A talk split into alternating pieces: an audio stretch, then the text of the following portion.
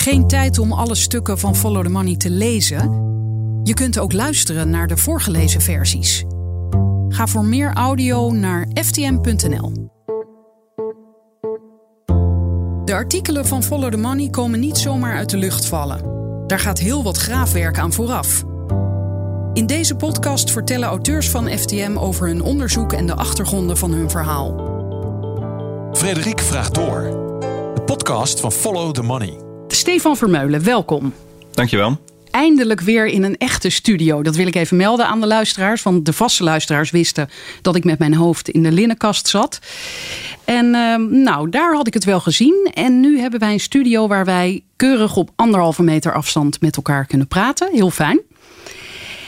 En toen ik het onderwerp zag van jouw stuk, ABN AMRO, toen dacht ik, oh ja, ABN AMRO, die bank hebben we ook nog. We, want hij is nog uh, voor het merendeel in handen van de overheid, dus van ons.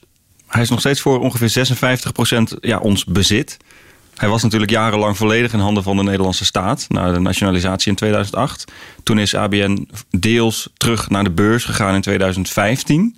Maar ja, dat is dan een deel van de aandelen die, die verhandeld worden op het Damrak. En voor de rest is die bank nog steeds onderdeel van de Nederlandse overheid. En dus van ons als belastingbetaler. Dus wij hebben hier met z'n allen eigenlijk een belang bij.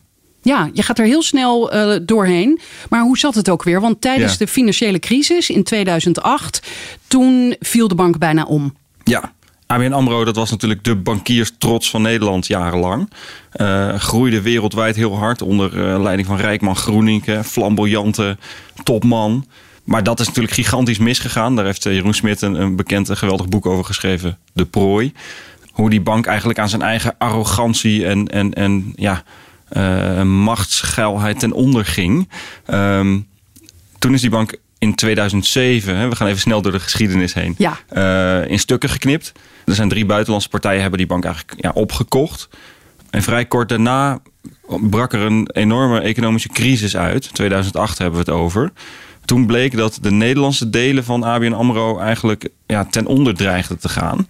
Uh, die zijn toen gekocht door de, door de Nederlandse staat. Hè. Wouter Bos, destijds minister van Financiën, heeft toen eigenlijk uh, ja, ingegrepen en de Nederlandse delen van ABN AMRO weer uh, ja, gekocht. Voor 27 miljard? Uit mijn hoofd zoiets. Het zou kunnen. Ik ben het precieze bedrag een beetje kwijt. Maar het heeft heel veel geld gekost. En... Ja, dit bedrag heb ik van Wikipedia. Ik dacht, okay. check het even bij jou. Maar... bron. um, en hebben we dat geld al terug? Nee, dat geld hebben we bij lange na niet terug. Een deel van ABN AMRO is in 2015 teruggebracht naar de beurs. Heeft toen ruim 3 miljard in één keer opgeleverd. Uh, er zijn later nog een paar keer plukjes uh, naar de beurs gegaan. Uh, maar tot nu toe is nog steeds 56% van de aandelen in handen van de staat. Ja, de koers van ABN AMRO is wel veel lager dan die destijds was. Dus de kans dat we al dat geld ooit terug gaan zien is eigenlijk ja, heel klein het feit dat die op de beurs wordt verhandeld, is wel een manier om potentieel geld te verdienen. Nou ja, die aandelen die nog steeds in handen van, van Den Haag zijn, om het zo maar even te zeggen, ja, die kunnen op een gegeven moment natuurlijk ook naar de beurs gebracht worden. Maar ja, het gaat nu niet zo lekker met ABN AMRO. Uh, om allerlei redenen. Een daarvan gaan we zo verder bespreken, denk ik. Dus ja, die nationalisatie uit 2008, ja, dat doet nog steeds ook financieel Nederland een klein beetje pijn. Ja, want jij hebt iets uh, in handen gekregen waardoor je nieuws hebt over ABN. Maar inderdaad nog eventjes over die beurs. Toch nog even misschien een detail. Maar laatst was er het nieuws dat ze niet meer in de AX uh, blijven. Maar dat ze naar een kleinere beurs gaan. Waarom is dat? Ja, de midcap heet dat. Dat is eigenlijk voor iets kleinere bedrijven dan, nou ja, laten we zeggen, de eerste divisie in plaats van de eredivisie. Dat heeft er dus mee te maken dat een, dat zoveel aandelen nog steeds in handen zijn van de Nederlandse staat. Dus er worden eigenlijk te weinig aandelen van ABN AMRO echt verhandeld tussen financiële partijen om nog tot de top te kunnen behoren. Hè? Om nog tot bedrijven als Heineken, Philips en dergelijke. Daarmee mag ABN zich nu even niet meer vergelijken. Ja, in de praktijk zegt dat niet zo heel veel. Hè. Ze horen tot een iets kleinere uh, ja, beurscategorie. Dat heeft de koers iets omlaag gebracht. Het is wel actueel, want het gaat geloof ik aan komende maandag gaat het officieel in maandag 22 maart. Ja, en we gaan zien of wat dat verder doet. Maar het zal waarschijnlijk eh, voor ABN AMRO maakt het praktisch niet zo heel veel verschil. Ja, en dan nu jouw stuk. Dat las ik en mijn oog viel op dit gedeelte. Jij schrijft ABN AMRO kampt al langer met het probleem van criminele klanten... al spreken ze binnen de bank liever van compliance issues. Wat zijn dat? Ja, dat is natuurlijk een soort van bankiers nieuwspeak voor ja, fraude, problemen met fraude. Uh, compliance is letterlijk natuurlijk het voldoen aan alle uh, wet en regelgeving. Um, in dit geval is er een wet in Nederland, de, wet, de WWFT wordt die wel genoemd, die bankiers eigenlijk verplicht om onderzoek te doen naar de achtergrond van klanten. Dus als daar criminele klanten tussen zitten, dan moet die bank dat zien. Dat moeten ze onderzoeken, moeten ze opletten. En, dat geldt voor iedere bank, hè? Dat geldt voor, iedere bank in Nederland, exact. Um, en als er verdachte transacties gedaan worden, moet die bank dat melden. Dus die bank die heeft een plicht om echt op te letten wat er voor geld door de systemen gaat. Het is dus een heel moeilijk woord om te zeggen, ja, we hebben dat eigenlijk niet goed door. En is dat moeilijk om te vinden, zo'n transactie? Ja, dat is heel moeilijk. Dat is afgelopen jaren gebleken dat banken daar echt grote problemen mee hebben. Uh, daarbij speelt er ook, kijk, Nederland is natuurlijk een soort financieel draaipunt voor de wereld. Hè? Dus of het nou vanuit het Midden-Oosten, vanuit Rusland, vanuit Amerika. Allerlei internationale partijen, bedrijven, rijke personen doen zaken via Nederland. Uh, dat geeft die banken in Nederland enorme verantwoordelijkheid om op te letten wat daar, wat daar met dat geld gebeurt. En je ziet gewoon, de ING is natuurlijk daarvoor, uh, heeft daar een enorme recordschikking moeten treffen met justitie. Eh, ING-topman Ralf Hamers wordt zelfs uh, vervolgd omdat hij dus uh, namens die bank gewoon daar niet goed op gelet heeft. En bij ABN AMRO speelt nu hetzelfde. En die bank heeft ook jarenlang eigenlijk niet goed opgelet, niet genoeg onderzoek gedaan naar ja, de achtergrond van klanten en van transacties. En ja, nu zie je dus dat, dat justitie daarop let en gewoon denkt van ja, we moeten toch die banken daar een beetje mee achter de broek zitten. En dat deden ze ook in 2014, maar daar ging iets mis. Klopt. Ga je dat nu onthullen of niet? Daar ging iets mis. Ja, in 2014 eh, werkte ABN AMRO samen met justitie in een poging om ja, beter in beeld te krijgen in hoeverre er nou crimineel geld door de bank ging. Uh, die samenwerking met justitie uh, had als doel om te leren herkennen wanneer er crimineel geld door die bank ging. En welke gedragingen nou, uh, welke transacties criminelen vaak doen, welke dus welk soort uh, ja, bankproducten, welke rekeningen ze gebruiken, waar, wanneer ze geld opnemen. Hè, wat, voor, wat zijn nou kenmerkende uh, acties die criminelen doen bij zo'n bank. Dus ze riepen eigenlijk de hulp in van het Openbaar Ministerie of ging het andersom? Het ging andersom. Het was een uh, initiatief van het Openbaar Ministerie om met verschillende private partijen, dat noemen ze dan een publiek-private samenwerking, ja, hè, meer kennis op te doen van financiële fraude in Nederland. ABN AMRO werkte daar ook aan mee. Uh, en de samenwerking tussen het OM en ABN was eigenlijk een deelproject binnen ja, dat hele grotere plan van het OM om iets tegen fraude te doen. En die samenwerking werd FinPro genoemd. Nou, daarbinnen was dus ook een, een, een project wat voor ABN AMRO belangrijk was. Namelijk hè, de patronen van uh, witwassen binnen de bank leren kennen. Ja, dus dat, dat klinkt eh, fantastisch. Maar... Ja. Uh, dat is niet doorgegaan uiteindelijk. He, er is uh, ruim een jaar, uh, blijkt uit, uit de stukken die we in handen hebben, is daar overlegd, is daar voorbereid. was er tot in detail, werd er naartoe gewerkt dat ze in één dag een soort data-analyse zouden gaan doen. Dat was allemaal vrij technisch, maar even kort gezegd kwam het erop neer dat ze een, een, groep ja, drugscriminelen die al veroordeeld waren, daarvan gingen ze eigenlijk in het verleden kijken van hoe hebben zij zich nou gedragen.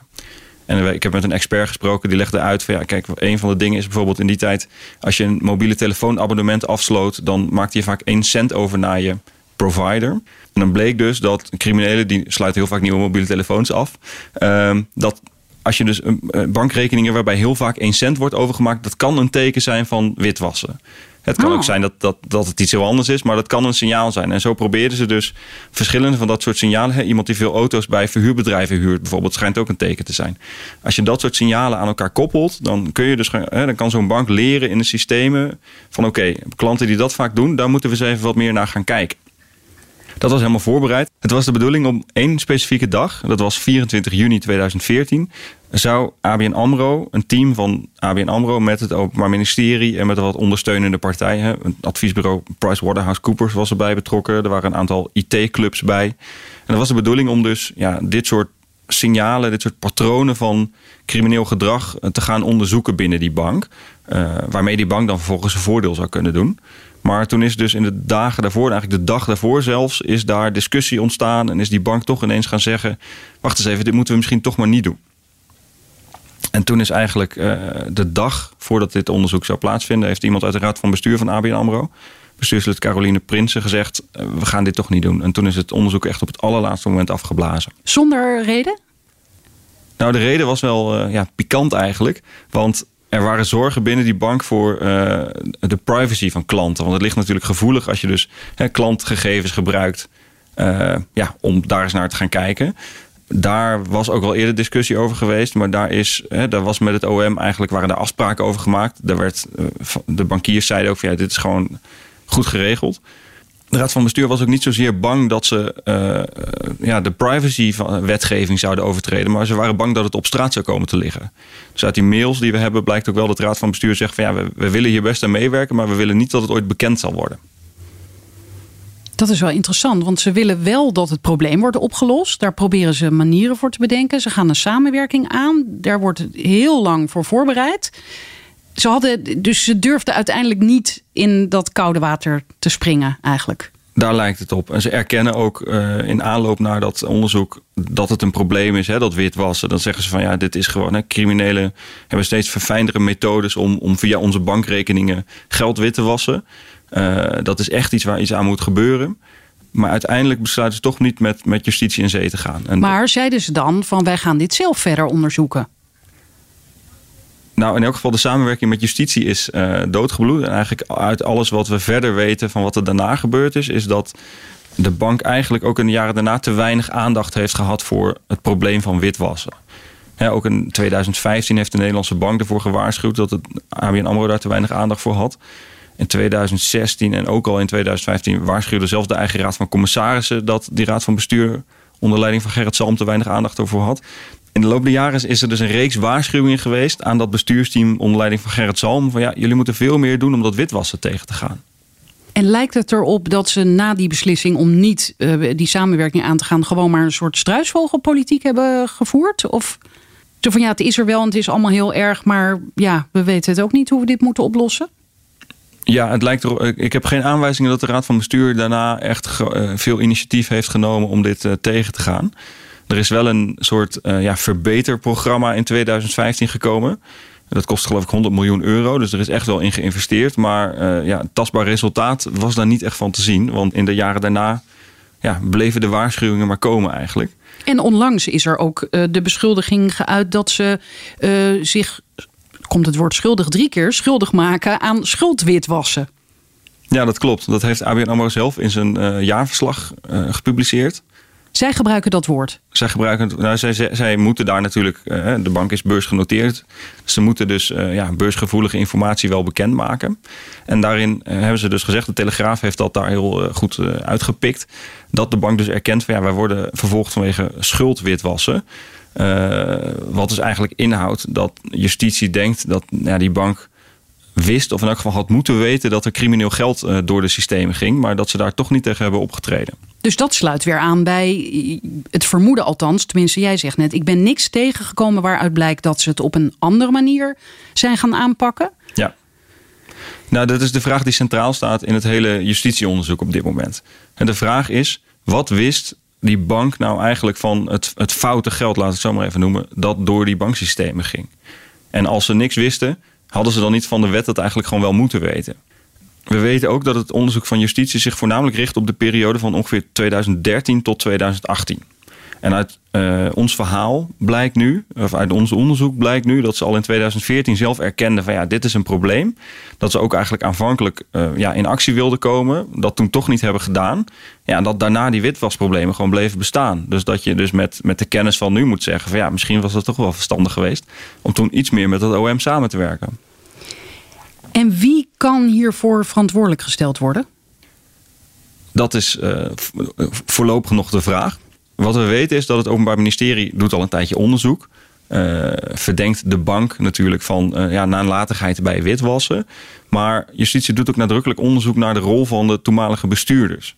En Gerrit Salm, de voormalig minister van Financiën, is natuurlijk ja, de meest prominente uh, kandidaat die daarbij in beeld is. Hij was jarenlang CEO, is in 2017 weggegaan. Dus een groot deel van deze problemen ja, vond onder zijn bewind plaats. Uh, maar ook zijn medebestuurders zouden daar misschien wel voor verantwoordelijk kunnen zijn. En justitie is eigenlijk nu al een tijdje bezig om in kaart te brengen. Ja, wat hebben die bestuurders nou geweten van het witwassen? Wat hadden ze moeten weten volgens de wet? En is daar genoeg aanleiding voor om ze dan vervolgens te vervolgen voor schuldwitwassen. En is die informatie nou via een klokkenluider binnengekomen bij jullie? Dat vind ik heel lastig om iets over te zeggen. Ik weet niet of je dit on the record wil hebben, maar daar kan ik natuurlijk daar kan ik echt niks over zeggen. Ja. Uh, maar, maar niks. Ik bedoel, jullie hebben wel dit, uh, dit hele rapport in handen. Of jullie, jij hebt het in handen. Ik heb een heleboel informatie in handen gekregen, maar ik mag helaas, kan helaas niet zeggen over waar dat vandaan komt. En toen je die informatie zag, wat dacht je toen? Nou, ik denk wat wel interessant is, is dat wij begonnen dit onderzoek natuurlijk om een beetje. Nou, kijk, wat justitie nu doet, wat ik net uitlegde. Justitie is aan het kijken. Ja, wat heeft die bank geweten? Wat hebben die bestuurders geweten van dat witwasprobleem? Wat hebben ze er tegen gedaan? Wat hebben ze er niet tegen gedaan? Um, en bij Follow the Money zijn we eigenlijk ook met die bril gaan kijken. Van ja, wat is daar nou eigenlijk precies aan de hand geweest? we weten dat er waarschuwingen zijn geweest van de Nederlandse bank. We weten daar was je al mee bezig voordat je die informatie kreeg? Klopt, ja, ja. Dat was het uitgangspunt van het onderzoek. Was gewoon nagaan van hoe loopt dat nou? En ga, is er inderdaad een kans dat, dat die toenmalige bestuurders vervolgd gaan worden? Is, er een, uh, is het uh, terecht als die bank straks een, uh, ja, een boete van honderden miljoenen moet betalen. Gewoon in kaart brengen van wat is er nou eigenlijk de afgelopen jaren precies gebeurd. Want daar is eigenlijk heel veel nog niet over bekend.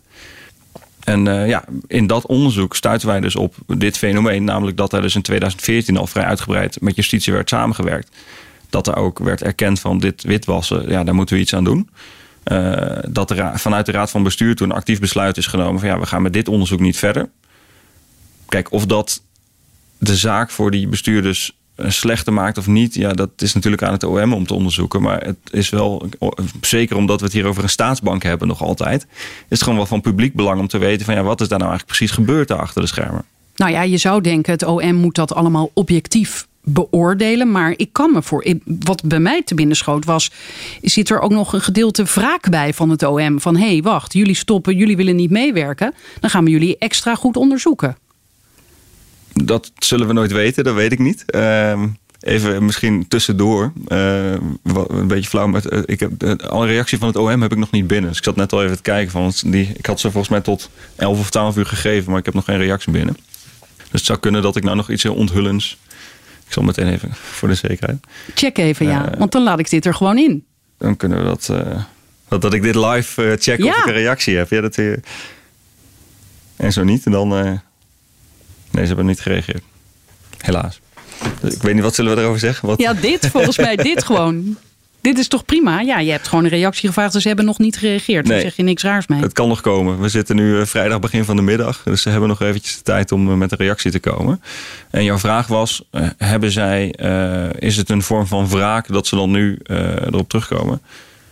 Ik denk dat het er vooral mee te maken heeft dat ook ja, de maatschappelijke blik ook een beetje veranderd is. Hè? Die banken die waren natuurlijk na de vorige crisis in 2008 lagen ze echt onder het vergrootglas. Ja, inmiddels wordt steeds duidelijker. Hè? De vraag is natuurlijk van, hebben zij echt iets geleerd? Hebben zij hun gedrag verbeterd? Als het gaat om dat witwassen en dat geld... dat internationaal allemaal via Nederland stroomt...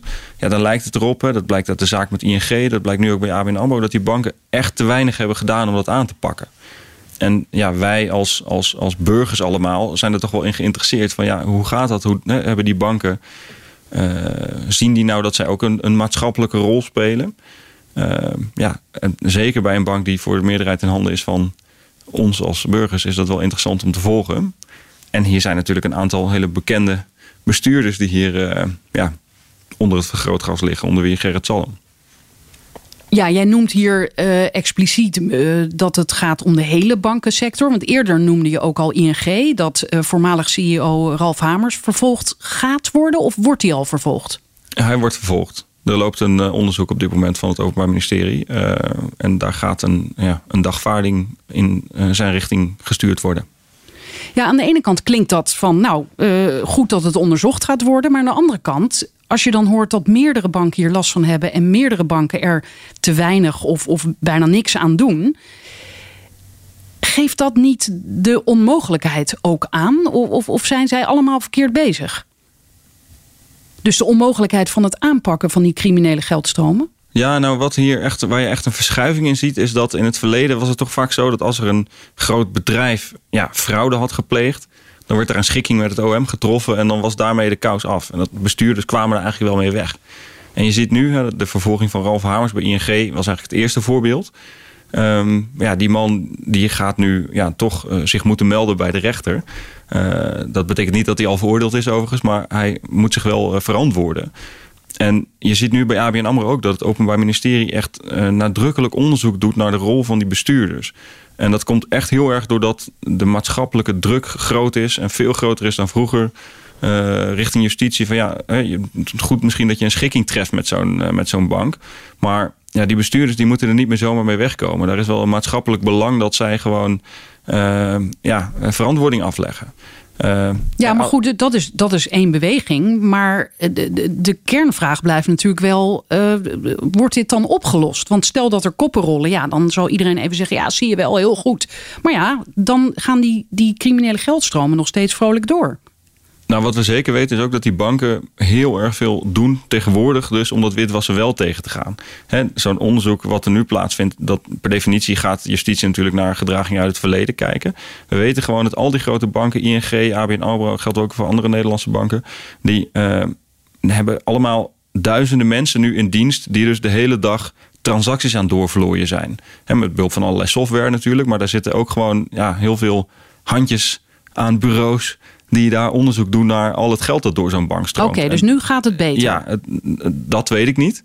oh, ik dacht, ik wilde zeggen, fijn dat je me toch een lichtpuntje geeft, maar er wordt in ieder geval iets aan gedaan. Ja, ja nou dat is de, de indruk dat dat beter gaat inderdaad. Hè. Dat is wel ook uh, van maatschappelijk belang dat journalisten blijven volgen hoe dat gaat en of dat ook echt werkt.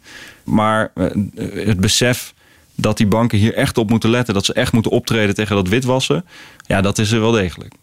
Oké, nou ja, we moeten afwachten wat dat oplevert. En wat gaat Follow the Money ondertussen nog meer doen? Kan je nog meer doen? Heb je nog meer documenten gekregen? Nou, als we het even heel breed nemen, is Follow the Money bezig om een groter dossier witwassen in Nederland op te bouwen. En daar zijn we met verschillende verslaggevers mee bezig om te gaan onderzoeken van ja, hoe werkt dat nou eigenlijk? Nederland als financiële draaischijf van de wereld, want dat zijn we al een tijdje. Uh, waarbij in ons land heel veel aandacht is altijd voor drugscriminaliteit en zeg maar ja, dat soort boeven. Maar ja, de witte boordenfraude, laat ik het zo maar even noemen. Dus laten we zeggen, hè, dubieus Russisch geld, dubieus geld uit het Midden-Oosten, allerlei andere foute types die geld via Nederland laten stromen met behulp van partijen aan de Zuidas. Brievenbusfirma's. Brievenbusmaatschappijen, daar weten we eigenlijk nog niet zoveel van. De aandacht daarvoor groeit de afgelopen jaren wel, maar er is ook echt nog heel veel te winnen. Ja, en daar, dat zijn we, we staan helemaal aan het begin van een grootschalig onderzoek op dat terrein. Ja, en daar past dus dit onderzoek naar ABN AMRO ook heel mooi binnen. Om te kijken van ja, hoe ging dat nou de afgelopen jaren met het geld dat via zo'n bank ging. Doen die banken genoeg om fraude tegen te gaan, om witwassen tegen te gaan? Uh, hoe werkt dat eigenlijk? Hoe goed is justitie in het in de gaten houden van dit soort partijen?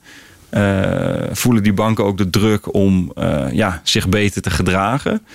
Wat is de rol van advocatenkantoren? Wat is de rol van notarissen? Dat, al die aspecten gaan we dus de komende tijd onderzoeken. Um, en is het makkelijk om die, al die betrokken partijen te spreken hierover? Dat is een goede vraag. Er zijn wel uh, altijd mensen te vinden die daarover wel willen praten. Dit, dit formuleer je ook weer heel. Uh, ja, mensen kunnen zich melden, dat is duidelijk. Zoveel is duidelijk. Maar heb je bijvoorbeeld gebeld met het OM? Ja, daar hebben we natuurlijk contact mee. En, en wat zeggen zij dan? Van ja, jammer, dat project is inderdaad mislukt met ABN. En nu gaan we ze keihard vervolgen. Nou, het OM specifiek heb ik een aantal dagen geleden een paar vragen gesteld. Daar oh, heb ik op dit moment nog geen oh, ja, reactie waar, voor. Ja. Maar uh, ik hoop dat die nog komt voordat we het stuk publiceren. Uh, eh, kijk, formeel heb je natuurlijk te maken met een, een, een woordvoerder van het OM die uh, vaak ja, kort en feitelijk antwoord geeft. ABN Amro heeft wel netjes op mijn vragen gereageerd. Uh, Gerrit Salm en zijn uh, medebestuurders lieten via een advocaat weten dat ze nu niks kunnen zeggen, want er loopt een. Via een advocaat? Ja, dat was niet om, om richting ons te dreigen hoor. Dat is gewoon oh, die advocaat die representeert die bestuurders richting ja, mij in dit geval. En die zeggen, ja, we kunnen niks zeggen, want er loopt een strafrechtelijk onderzoek. Dus we gaan daar verder niet op in. Dat is allemaal heel netjes. En jouw bredere vraag van, uh, is daar in, in Nederland en in die wereld rond, in en rond de Zuidas... zijn daar mensen die hierover willen praten? Ja, die zijn er zeker wel. Uh, er wordt best wat onderzoek gedaan. Ik denk ook wel dat je uh, mag begrijpen dat heel veel van dit soort partijen... die zijn best integer, die willen best dit tegengaan. Kijk, ABN AMRO is ook niet een een soort van bad bank die bewust allerlei fraude pleegt of zo. Alleen de kwestie is natuurlijk dat zij volgens de wet aan bepaalde dingen, voorwaarden moeten voldoen. En, en, en onderzoek moeten doen naar klanten, verdachte transacties moeten melden. Maar ja, dat zo'n bank moet ook geld verdienen. En daar zit natuurlijk het spanningsveld. En dat is altijd, uh, ja, als het misgaat, dan, dan komt dat vaak ook daar. Hè. Bepaalde klanten, ja, die zijn nu helemaal rijk. Daar verdient zo'n bank veel geld aan. Dus dan is het toch ook wel soms verleidelijk om even wat door de vingers te zien. Ja, en in dat spanningsveld uh, ja, vindt zo'n strafrechtelijk onderzoek nu plaats, denk ik. En wordt het ook spannend voor onze journalisten van wat gebeurt daar nou eigenlijk precies. Ja, want uh, je lacht er heel enthousiast bij, zie ik. je vindt dit heerlijk, toch? Ja, dit is spannend. Dit gaat om, hè, dit is natuurlijk eh, groot geld. Dit gaat om, uh, om, om uh, grote bedragen vaak. Uh, wat we weten is dat ABN AMRO in zeven specifieke fraudezaken nu vervolgd wordt. Dus justitie heeft daar zeven casussen uitgepakt aan de hand van, waarvan ze een patroon willen laten zien dat die bank te laks was om criminelen buiten de deur te houden, laat ik het zo maar even zeggen. Ja, dat is een fascinerende wereld om in te zitten natuurlijk. Ja, absoluut. Dankjewel. Graag gedaan. Tot zover deze aflevering van Frederik Vraagt Door. Wil je meer horen en lezen? Ga naar ftm.nl en krijg ons een maand op proef.